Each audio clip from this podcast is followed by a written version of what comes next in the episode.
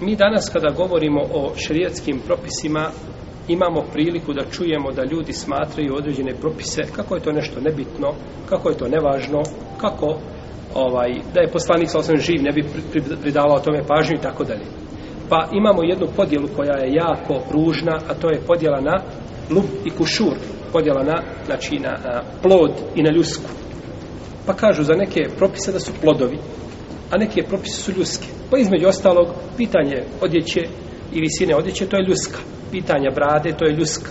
Pitanja, znači, mi svaka, to su ljuske. A plodovi su iman, vjerovanju Allaha ime. Ova podjela je, znači, na ovakav način i ovaj, ovakvim terminima je pogrešna i opasna. U šarijatu nema ništa što je ljuska. Jer znate šta je ljuska? Ljuski je mjesto u korpi, je tako? Ljuska ti samo smeta. Znači, ljuska je nešto što nakon ubiranja ploda, kad ostraniš ljusku, ona ti samo smeta.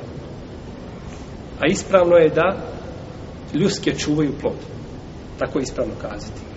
Jer čovjek koji se nije u stanju pokoriti Allahu Azzawajal u sitnom i običnom propisu, ako tako imamo pravo da kažemo, kako ćemo se pokoriti nečemu što je veće i što je kod i kamo teže za dušu? Pa ko nije u stanju da se pokori svojoj majici, kako je takav u stanju da uradi neko veće dijelo i da veću žrtvu za islam a nisi u stanju da se pokoriš svojoj majici ili roditelju i bilo što drugo od propisa pa je takva podjela neispravna i nije dozvoljeno tako razvojati propise poslanik sa osrme ide sa ashabima krenuje na Tebuk kod muslima hadis i pitaju ga Allaho poslanića kaže kakva pregrada u namazu trebaju biti kako nam pregrada ono kada klanjamo namazu kakva pregrada treba biti Kaže im poslanik sa ne pitajte me to živ bio. To su nebitna pitanja, mi smo krenuli džihad. Sada me pitajte o propisima čega? Džihad. Ma naravno da nije poslanik tako rekao. Naravno da nije tako rekao. Nego im kaže, pregrada u namazu je kao a, muahiru rahim. Kao, znači, sjedalo, zadnji dio sjedala koji je kao podlakca kako su tefsirili, a ta i drugi kako su dolazili kod Abdurazaka i drugi. Pa im nije rekao to što vi mene pitate, sada mi idemo u džihad, sada je biti ili ne biti, sada je pitanje opstanka islama, ne nego im odgovara na pitanja pregrade. Pa kada čovjek kažeš uzmi pregradu na mazu, nemoj kajak na sred džami je živ bio.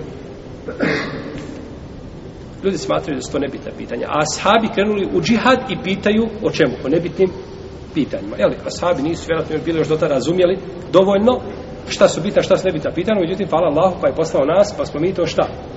podijelili, mi smo to na, znači, selektirali, mi, mi ćemo znači, ljudima pojasniti šta su bitna, šta su nebitna pitanja. Ne, to je sve bitno. Samo što ima bitno i bitnije.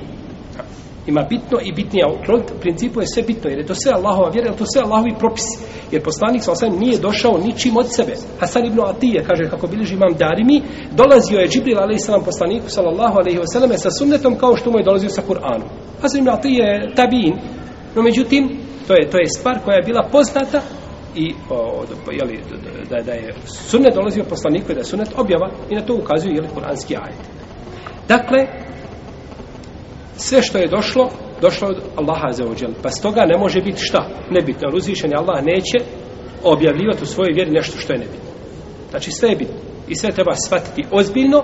Samo, jel, naravno, imamo prioritete, pa ovaj, prioritet se moraju, znači, uvažiti, jeli? ali ali ne smije se znači ono što je a, bitno zapostaviti na račun bitnije.